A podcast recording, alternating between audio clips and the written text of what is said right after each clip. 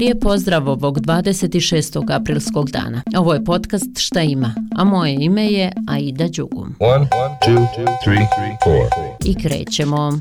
Zasjeda Narodna skupština Republike Srpske. Poslanici će pozvati jedinog sudiju iz ovog entiteta u Ustavnom sudu BiH, Zlatka Kneževića, da ne učestvuje u radu tog pravosudnog organa. Nenad Stevandić, predsjednik Narodne skupštine, govori šta je konačan cilj. Uz to što je prethodnom sudiju gospodinu Simoviću prestao mandat, Ustavni sud više ne bi imao pravni i politički, imao bi legalitet, ali ne bi imao legitimitet, jer u tom Ustavnom sudu više ne bi bilo sudija iz polovine Bosne i Hercegovine, odnosno iz Republike Srpske, čime bi njegove odluke u budućnosti bile još više obesnažene.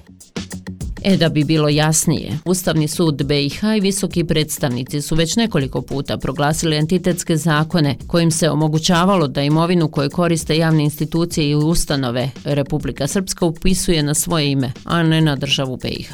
Da bude još jasnije, raspolaganje državnom imovinom u BiH zabranjeno je do donošenja zakona na državnom nivou. Takvu odluku donio je još 2005. tadašnji visoki predstavnik u BiH, Pedi Ešdaun a zakona o državnoj imovini nema ni u 2023. A drugo, poslanici će se baviti zaključcima usvojenim u Narodnoj skupštini od decembra 2021. E šta je tada bilo? Pa poslanici su tada zadužili vladu Republike Srpske da u roku od šest mjeseci u parlament na razmatranje uputi zakon o porezu na dodanom vrijednost, zakon o akcizama, zakon o Visokom sudskom i tužilačkom vijeću Republike Srpske, kao i zakone iz oblasti odbrane i sigurnosti. Preciznije, riječ je o zakonima koji se odnose na prijenos nadležnosti sa države na nivo entiteta. Ti zakoni nikada nisu ušli u proceduru.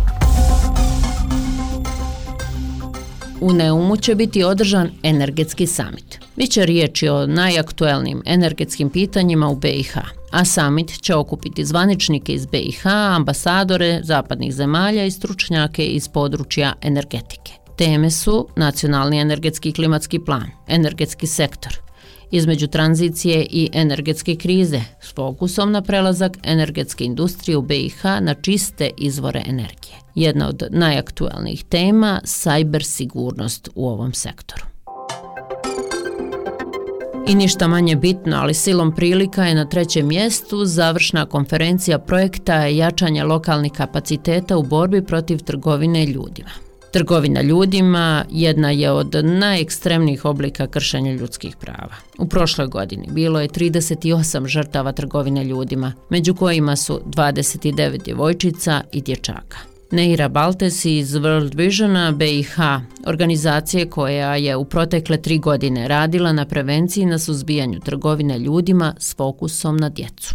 70% registrovanih potencijalnih žrtava trgovine ljudima u protekle tri godine bila su djeca. Građani djecu svakodnevno na ulicama BH gradova susreću u prosjačenju bez adekvatne odjeće i obuće i po svim vremenskim uslovima, a davanjem novca djeci na ulici mi u stvari potičemo njihovo iskorištavanje i jedina pravilna reakcija bi bila poziv policiji, nakon kojeg reaguje referalni sistem, istražuje slučaj i zbrinjava dijete.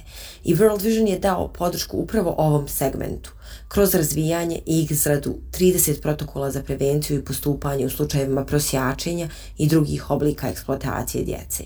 Ovi protokoli su razvijeni u gradovima i kantonima gdje je primjećen veliki broj djece koja prosjače i daju jasne korake i upute za postupanje i pružanje podrške potencijalnim žrstvama.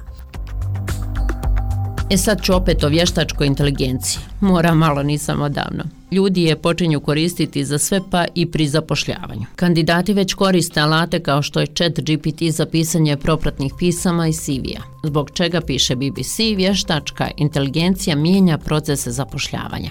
Oni koji zapošljavaju razumiju da se kandidati već oslanjaju na generativnu umjetnu inteligenciju, zbog čega CV i propratno pismo kandidata postaje nevažnije, a kandidate procjenjuju više na osnovu onoga što vide na društvenim mrežama i na koncu na intervju. Pa eto, dragi moji, imajte to u vidu. I ovdje ću stati. Do sutra vas pozdravljam. Ćao!